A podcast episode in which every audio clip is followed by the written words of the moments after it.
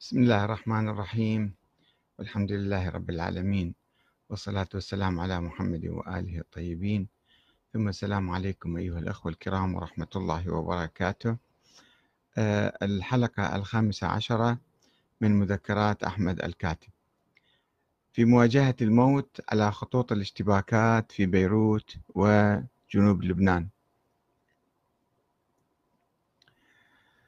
مع تفجر الحرب اللبنانية عام 1975 ذهبت إلى بيروت لطباعة بعض الكتب والمجلة الداخلية للتنظيم المجاهدون.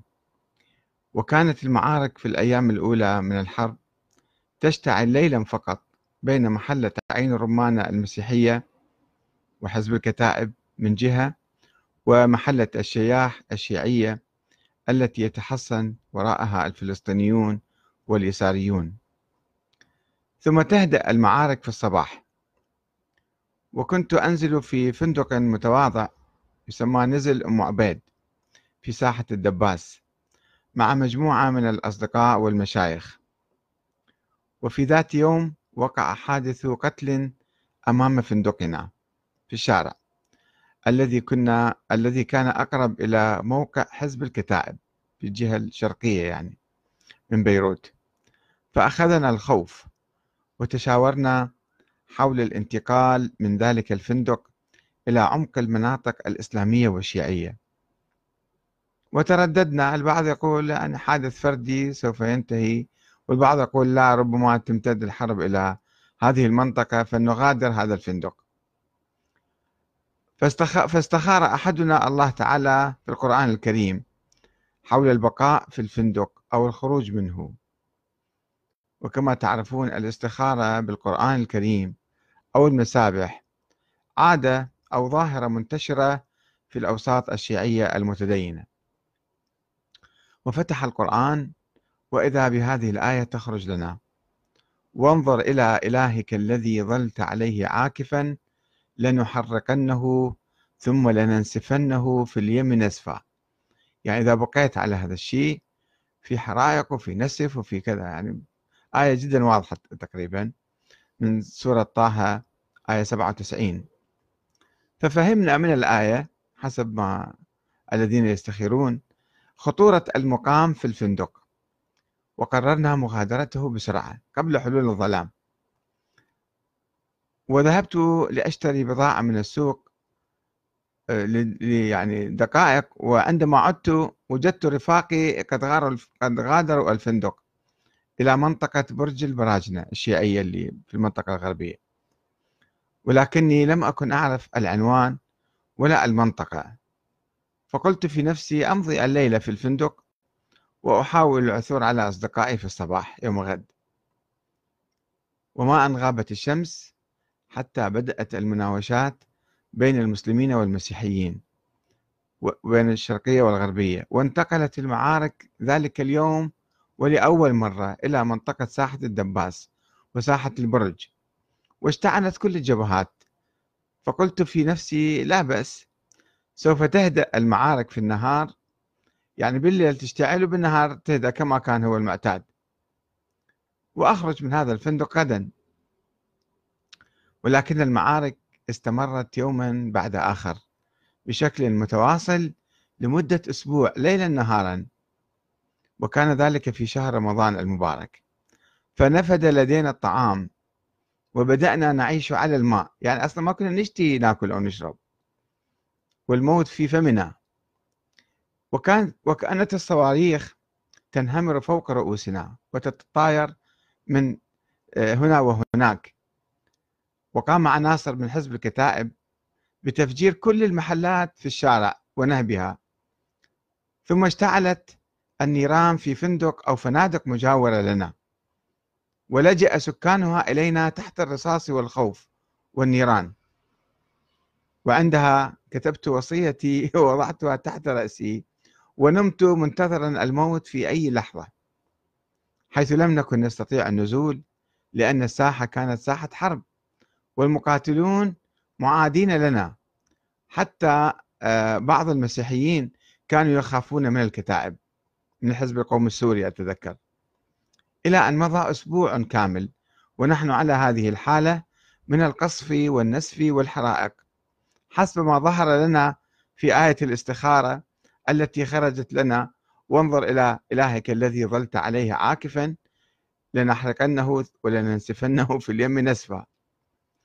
وقفزت عند أول وقف لإطلاق النار لأنتقل إلى الجبهة المقابلة. غير مبال بنيران القنص لأني كنت ميتا في كل الأحوال. كانت هذه أول تجربة لي مع الحرب ومع الاستخارة آه، في حياتي. ورأيت بعيني نتائج مخالفة الاستخارة. ومنذ تلك الحادثة حصل لي إيمان عميق بالاستخارة بالقرآن الكريم والتي كنت ألجأ إليها أحيانا عند الحيرة فقط. وعند الضرورة وبعد عجزي عن الحصول على العلم أو اتخاذ القرار المناسب. فقد تزوجت مثلا دون أن أستخير الله ما يحتاج أشوف الإنسان أمامي وأقرر يعني. على العكس من بعض الناس الذين يعطلون عقولهم تماما ويستخيرون في كل صغيرة وكبيرة. وكنت أمتع من بعضهم إذ يستخير إذا أراد شراء كيلو خيار مثلا أو بطاطا. أو القيام بأي حركة. أي شيء ماخذ سبحة بيديه ويستخير. ورأيت في الاستخارة أشبه بخط اتصال مباشر مع الله تعالى عبر القرآن الكريم. مع أن الاستخارة غير واردة بهذه الصورة لا عن النبي ولا عن أئمة أهل البيت. واعتبرت الاستخارة تجربة ذاتية يعني دليلا إعجازيا إضافيا على معاجز القرآن الكريم.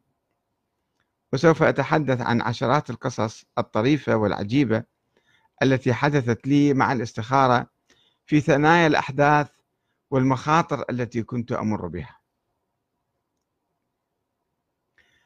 وفي العام التا... وفي العام التالي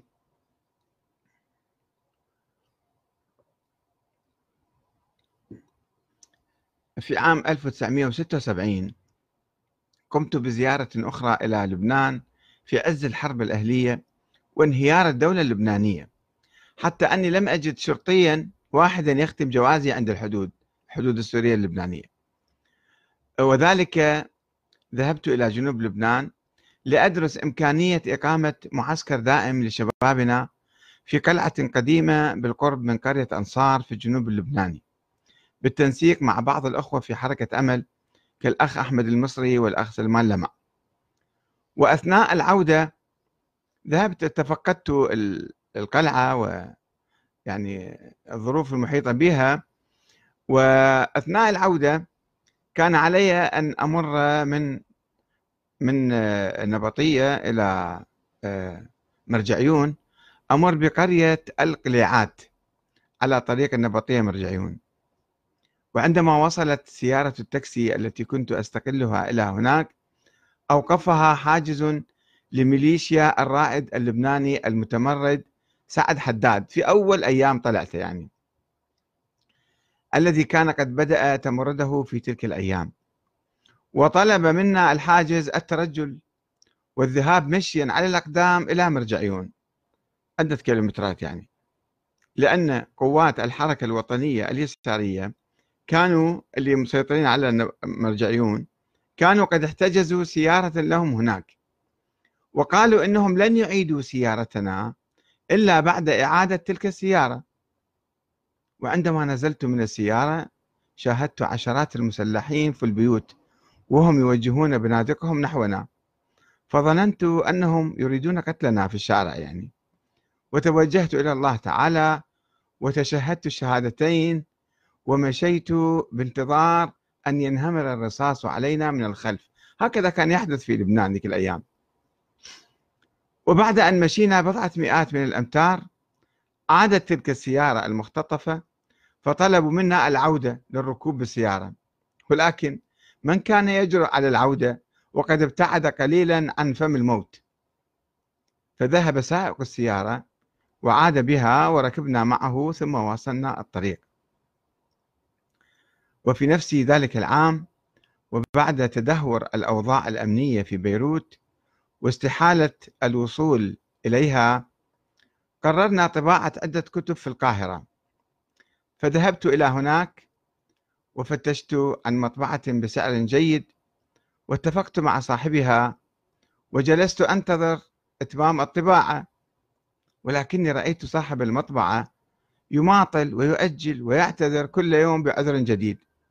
وفي النهاية عرفت أنه قد عرض الكتب على صديق له وكتب كانت كتب على شريعة بعضها ليتأكد من عدم احتوائها على ضلال كما كان يعتقد بعد أن عرف بأني شيعي.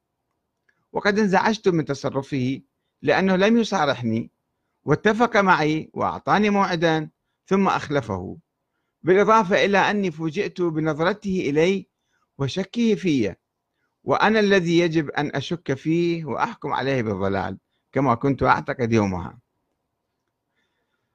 وبعد أن انتهيت من طباعتها حاولت أن أشحنها إلى الكويت. مقرنا دائم يعني كان ذيك الأيام ولكني وقعت في دهاليز الدوائر البيروقراطية المصرية وكان لي معها تجربة مرة. فضلت على إثرها أن أترك الكتب في القاهرة عند صديق وآخذ قسما منها فقط معي في الطائرة ولم أفكر مرة ثانية أن أعيد التجربة حيث لم أجد عن بيروت بديلا. والسلام عليكم ورحمة الله وإلى حلقة قادمة إن شاء الله.